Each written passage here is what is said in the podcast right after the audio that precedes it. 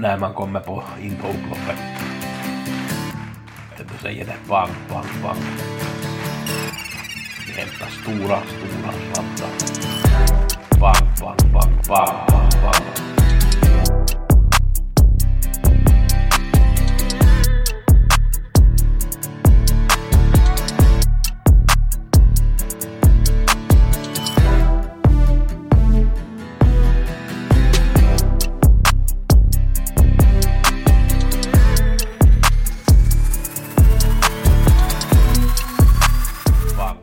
Veckopodden med Gusse.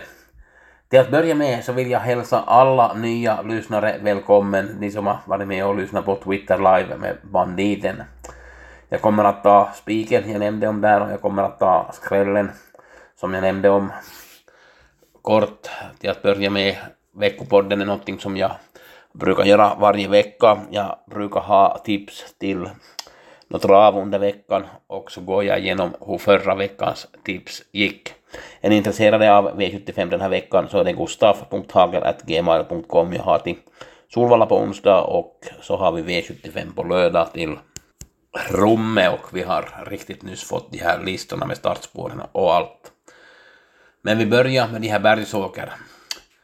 Eh, bästa spiken tror jag finns, eller jag vet ju inte om det är bästa, men mest spelvärda spiken finns i andra loppet, nummer tre, Iglesias D och Lisa Gilliam. Det blir första gången med barfota fram. Den har gått barfota runt om tidigare, men jag tror att barfota fram är en bättre balans åt hästen. Den har haft ganska dåliga startspår. Senast blev det ganska mycket fel på Hagmyra 9 sjunde och det var ju inte ett lopp som gick att spela på och det är säkert många som har missat att se det här loppet. Det blev lite stöd där och blev lite en del strul men det viktigaste är att hästen gick i mål med mycket krafter kvar och gjorde ett riktigt bra sista 1200 meter där.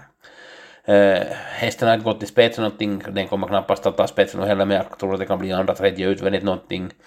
Och i det här loppet där favoriten ettan Bravo Vincero gör första starten bakom bil från framspår så är jag nog inne på att Lisa kan vinna det här loppet och jag tycker att det kan vara en otroligt kul chanspik i en annars ganska sådär öppen omgång och där vi har en ganska sådär stor 50 procentare i det loppet. Klart att procenten kommer att ändras, det är ju en saken är ju självklar. Eh, vi har en bra skräll i femte loppet och det är nummer tre Young Mistress. Den var ute på Solvängen 31 juli, det var tvåa i mål på 14 och 2, riktigt bra gick den avsluta sista varvet på 12 tid där. Det är klart att den möter ganska tufft motstånd, det är lätta ettan Blues Brothers som kommer att ta spets, men jag tror att Young Mistress får en bra, ett bra löp där. Och jag hoppas att Bang Boomerang kommer att gå fram där, eller Global All kommer att få, få, få gå fram och sätta lite press på Blues Brothers och Young Mistress får något tredje utvändigt och sen blåser bara till dem till slut, så att det tycker jag kan vara en väldigt intressant idé i det här loppet dagens dubbelidén Young Mistress 3 i femte loppet. Tipsen denna vecka som sagt Solvalla onsdag och Rumme på lördag. Till Solvalla nämnde jag ju här i en podd tidigare. Det var Kentucky Derby som jag trodde att kunna vinna nästa lopp och nu är det dags för nästa lopp. Den var ju tvåa på Visby, andra i åttonde avslutar väldigt bra. Nu är den nästan på kronan perfekt in i serien trots att det får spår 10 tycker jag att den här ska vara väldigt nära så att den ska ni komma ihåg när ni gör systemet och det är sista loppets nummer 10 Kentucky Derby. Eh, vi har rummet på lördag. Intressanta lopplistorna har ju kommit och startspåren har kommit. Blev en Intressant gulddivision, Million Dollar Rhyme, Revelation, Ridley Lavec, Global Badman, Consalvo som fick vinna i Tammerfors i lördags här i Finland, Santtu Raitala kör, Dr. Doxisens med Emilia, Charmantisak, Mr. Hercules, Henry Flyasis och Diamanten som var tvåa senast. Det blir nog ett jätteintressant lopp det här att se hur det kommer att gå. I bronsdivisionen har vi Filippa BJ från Sybyllet Inters stall och det är Jorma som kör den här hästen, möter bland annat Skolason de och Lindy Muscle Mania och Marlon Buku, så det var också ett intressant lopp. Dynamo Sensation fick dåligt spår igen, den fick spår 12. Intressanta lopp både på onsdag och på söndag. Vi går igenom lite förra veckan. V86 hade vi på Mantorp, bästa spiken var SG Drakaris och den vann ju så att det var ju en bra spik.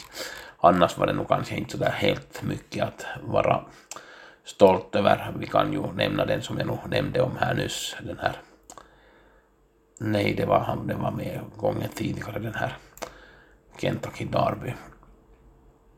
Eh, Kinglet Bird vann ju, den hade ju rankat ett, det var ju ganska, ganska bra måste man säga. Och det var ju en sådär lagom svår V86 på Mantorp förra onsdagen. Gav 129 000, det var väl Ja, no, det smällde ju förstås första Joe Dalton. Ja, no, första häst hade jag på Mellby Coral, det kan jag nämna i sjunde loppet, så det var ju en bra, bra första häst. Putte hade jag också i A-gruppen, nummer två, tvåa i femte loppet, så att helt okej. Okay. Näst bästa spiken levererar ju inte någonting och, och så bortåt, men det var om den onsdagen, nu har vi ju V75 istället för V86. V75 igår är det nog inte mycket att hurra för. Jag hade inte en enda tipset av bästa spiken It's Pepper Time vann ju inte någonting. Där var min andra rankade häst som vann och Rossi Garline tappade hur mycket i starten så den klarar inte sig heller någonting. Ja, vi får göra bot och bättring på de här V75. Vi ska glömma de här förra, förra lördagen och ska vi se framåt. Tack ska ni ha för att ni har lyssnat och lycka till på spelet. Tack för mig.